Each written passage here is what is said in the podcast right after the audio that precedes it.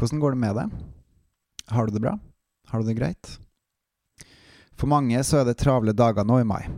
Kanskje er det for deg også? Og samtidig så er det sykt deilig å være ute i sola og varmen. Det gir energi og løfter humøret.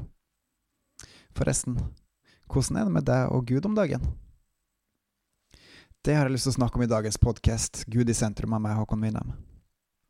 Alt er tomhet, starter boka Forkynneren i GT med. Alt er bare atter tomhet. Første gang jeg leste den eh, boka, fikk jeg hakeslepp etter det her verset. Noe av det som sjokkerte meg, var hvordan forfatteren i bare løpet av en eneste setning satte ord på noe som jeg kjente på. At ting her i verden ble mindre og mindre verdt. At ting som jeg før syntes var kjekke og viktige, nå hadde tapt seg verdi. Og da spesielt en del interesser som jeg tidligere eh, hadde hatt, saker jeg var opptatt av. Eh, og en av de var f.eks. at jeg har vært en sportsidiot. Jeg har også brukt mye tid på dataspill, time etter time etter time etter time. etter time. Men nå har det endra seg kraftig i forhold til før, sånn gradvis over lengre tid. Eh, det kan f.eks. beskrives gjennom at nå, hvis jeg nå er i samtale med kristne som sier de er opptatt av Gud, men det er ikke at vi ikke prater om Gud i det hele tatt, eller livet med han, så syns jeg en gang at det kan bli mye tomhet i samtalene vi har. Så når jeg da leste dette verset i Forkynneren om at det er mye tomhet, så ble jeg helt paff over hvor treffende det han skrev for ca. 3000 år siden, traff min situasjon. Det tok meg litt en stund før jeg klarte faktisk å lese videre i boka, og ja, det var så absolutt verdt det. I boka så listes det opp emne etter emne som fatteren plukker fra hverandre, og forklarer at det her er faktisk meningsløst i det store bildet. Boka virker til å begynne med ganske tung og dyster, men mot slutten så viser den også ei viktig side som gir håp oppi alt det som er her i verden. Og det er snudd boka til noe som er veldig godt og sant, i hvert fall for meg. Eh, og et bitte lite viktig tillegg er jo, sjøl om alt er tomhet her på jorda, så er det jo likevel noe som er smart å ta vare på, ifølge boka. Familie, vennskap, god mat og enkle gleder, som f.eks. solskinnsdager. Så man skal ikke kutte ut det, men samtidig, det var noe som var så mye større enn alt det andre. Et lite hopp. Vi her på jorda er flinkest til å fokusere på vår fysiske helse. Skjønt stadig mer på vår psykiske helse også. Vi trener gjerne regelmessig for å øke vår fysiske form, og så er det blitt mer og mer vanlig å gå til psykolog dersom man sliter psykisk. Andre trener gjerne sin psykiske form gjennom samtaler med andre, eller bare på egen hånd og det er også med ulikt resultat. Vår åndelige helse er det lite snakk om, men den er også viktig. Den handler om relasjonene til menneskene våre rundt oss. Er din åndelige helse god? Har du det generelt godt? Et godt forhold til folka rundt deg?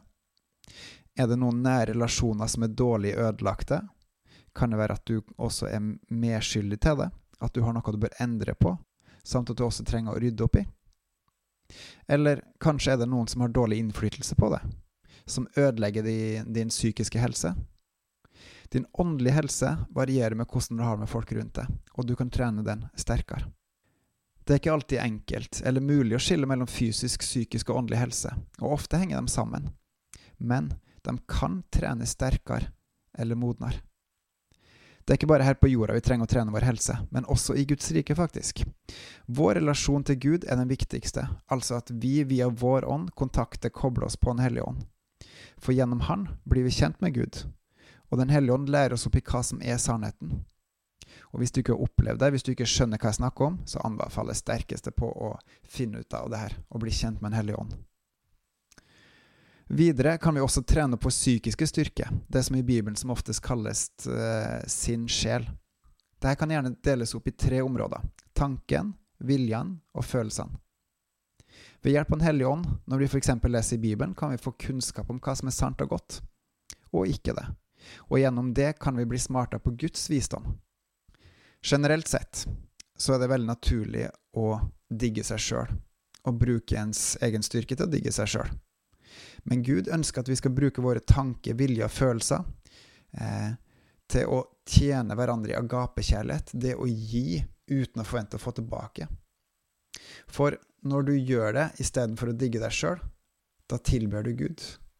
Da setter du deg sjøl til side og velger å gjøre det som Gud sier sant og godt. Og i tillegg, eh, ved å tjene andre gjennom det en har, da trener opp styrken sin i Guds rike. Ja, vi har behov for å ta oss av hverdagslige ting. Men jeg vet i hvert ut ifra mitt eget liv at jeg gjerne kunne ha fokusert mindre på meg sjøl og mitt, og heller mer på å tjene Gud gjennom å tjene trossøsken og andre svake fattige. Det er jo det Gud har bedt oss om, å vise barmhjertighet. Og nettopp det her er det slutten av GT-boka Forkynneren også snakker om. Alt er bare tomhet, men det å frykte Gud og holde Hans bud, det er det viktigste her i verden. I Forkynneren siktes det her til Moseloven, mens i den nye pakten så viser Jesus, oss at det er troa, at det å tro på Han og elske sine brødre og andre er det viktigste. Nå kan vi kjenne Gud personlig. Han eh, vil lære oss opp i hva som er sin vilje, og han vil at vi skal være med på å bygge hans rike. Derfor må vi trene oss opp.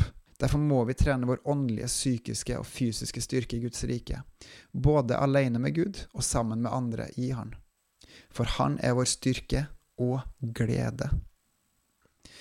Hvordan går det med deg? Et viktig spørsmål å stille hverandre. De fleste av oss tenker kun på det jordiske med kroppen vår, eventuelt sjel og for noen også den åndelige helsa. For min del så går hverdagen mye i å være ektemann og småbarnsfar, lærer og venn.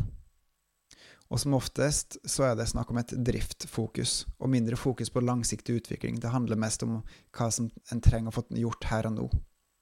Og da blir ting ofte bare sånn som det blir. Men ett område for meg er viktigere enn alt det andre. Og det å kjenne Gud og gjøre det som Han sier er sant og godt. For det er det.